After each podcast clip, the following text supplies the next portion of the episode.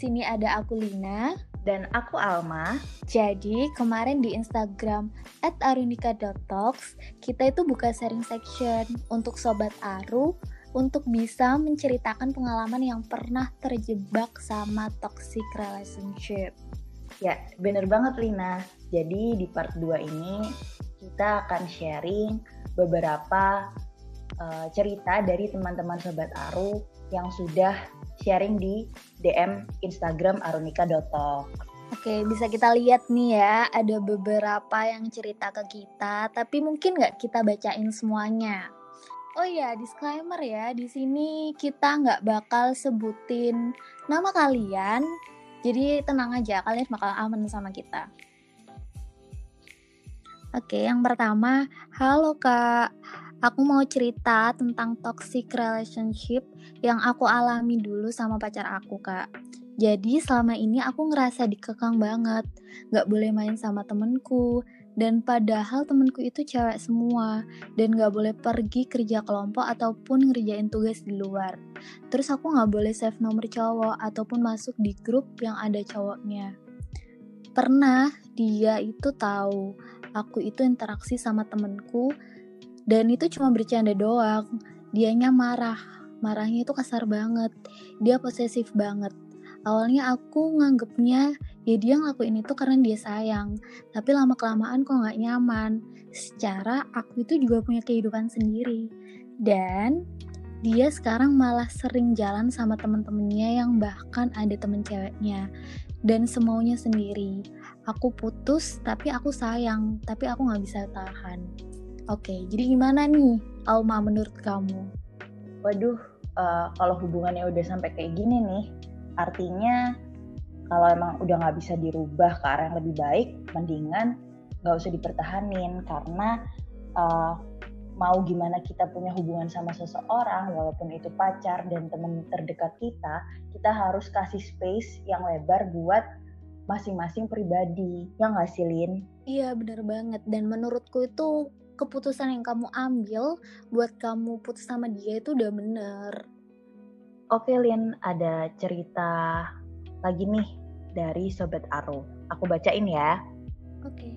Uh, Kak, aku pernah mengalami hubungan yang bisa dibilang toksik kali ya, soalnya aku ngerasa gitu. Dulu waktu aku masih SMA kelas 1, aku pernah pacaran dan ceritanya dulu itu dia senior aku di SMA dia awal-awal mulai deketin aku uh, waktu itu aku sama dia se-ekskul.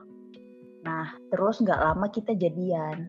Awal-awal sih normal aja ya, kayak orang-orang pacaran biasa. Ada cemburu, tapi aku masih nganggap itu adalah hal yang wajar.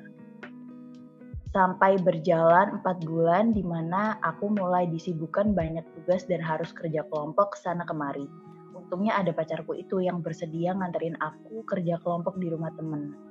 Tapi yang buat aku heran, uh, bahkan temanku juga heran, dia nggak hanya nganterin aku, tapi nungguin aku sampai selesai kerja kelompok. Awalnya aku pikir itu hal yang sweet banget ya, tapi setelah hubungan berjalan enam bulan, dia mulai ngekang aku. Selain nemenin aku kerja kelompok di rumah teman, dia suka ngambek kalau diabaikan saat kerja kelompok. Jadi ketika ada waktu luang pas kerja kelompok ya aku ke dia sambil ngajak ngobrol. Gak cuma waktu itu sih, pernah waktu reuni SMP dia maksa buat nganterin dan pada akhirnya sama lagi nunggu aku di acara itu sampai selesai. Ya aku sebenarnya ada perasaan gak enak sama teman-teman dan pasti nemenin dia ngobrol lagi kayak waktu itu. Terus teman-temanku sempat sering nanya ke aku, kok nggak terus terang ngomong ke pacarnya, tapi akunya selalu sungkan. Akhirnya berjalan terus itu sampai masuk tujuh bulan. Aku mulai marah ketika chat pribadi dari orang tuaku dia yang bales. Memang dia suka baca chat dan periksa chatku baik chat pribadi ataupun sama keluarga. Aku marah waktu itu karena dia balas chat ayahku yang di mana aku semakin terlihat buruk di depan ayahku. Di situ aku juga lagi tengkar sama ayahku. Akhirnya hubungan kami agak renggang setelah kejadian itu. Dan setelah aku takut kehilangan dia, Aku berusaha chat dia buat minta maaf, tapi jawabannya dia kasar. Sering banget kata-kata kasar kayak tit, tit, tit, disensor ya. Dan akhirnya aku ngetahuin kalau dia itu selingkuh sama kakak kelas yang seusia sama dia. Sampai di situ aku baru sadar bahwa itu itu benih-benih hubungan toksik. Jadi kalau aku terus nurutin dia, aku itu nggak berani bentak dia. Oke, menurutku nih ya, aku itu nggak tahu antara bucin sama bodoh itu bedanya itu kebangetan atau bedanya tipis. Dan aku juga nggak tahu cowokmu ini itu itu gabut atau nggak punya temen sebenarnya. Kok ngintilin aja. Terus benernya aneh gak sih? Kok kamu bisa bertahan? Apa sih yang dia kasih ke kamu sampai kamu itu bisa bertahan sama dia? Sama orang kasar loh kamu gak bisa mau? Apa sih yang dia kasih ke kamu itu apa? Kalau buat putus itu emang keputusan baik nih itu keputusan terbaik yang kamu ambil buat jauh dari dia. Tapi buat jangka waktu tujuh bulan itu itu keren sih buat kamu yang bisa bertahan. Kalau Alma gimana? Kalau dari aku sendiri nih Lin mungkin posisinya si cewek ini emang bener-bener baru sadar setelah semuanya terjadi. Kan ada yang bilang nih kalau toxic relationship itu di awal-awal emang gak kerasa. Jadi kelihatannya itu nanti kalau udah agak lama dan kejadian yang buruk terjadi terus-menerus. Ya sama se seperti yang Lina bilang sih, jadi lebih baik uh, bangun hubungan yang sehat kalau misalkan emang suatu hubungan nggak bisa dipertahanin dan cowoknya emang udah kayak gitu bisa uh, kita ke arah yang lebih baik mendingan diudahin aja. Bener banget. Oke, okay, mungkin kita bisa next kali ya ke selanjutnya. Yes. Oke, okay, ini kita udah ngomong ya dari tadi banyak banget. Mungkin Alma, kamu setuju nggak kalau ini jadi cerita terakhir yang kita bawain nih di episode ini? Setuju banget Lin, karena juga keterbatasan waktu ya, kita nggak bakal bisa bacain semuanya.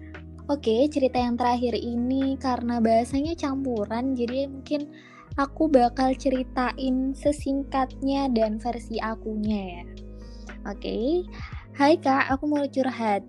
Sebelum aku sadar kalau aku diporotin sama pacarku, aku itu mikir, hubungan pacaran itu pasti kalau bayar itu gantian Terus lama-kelamaan pas pulang dari main nih, dia itu selalu minta uang ke aku.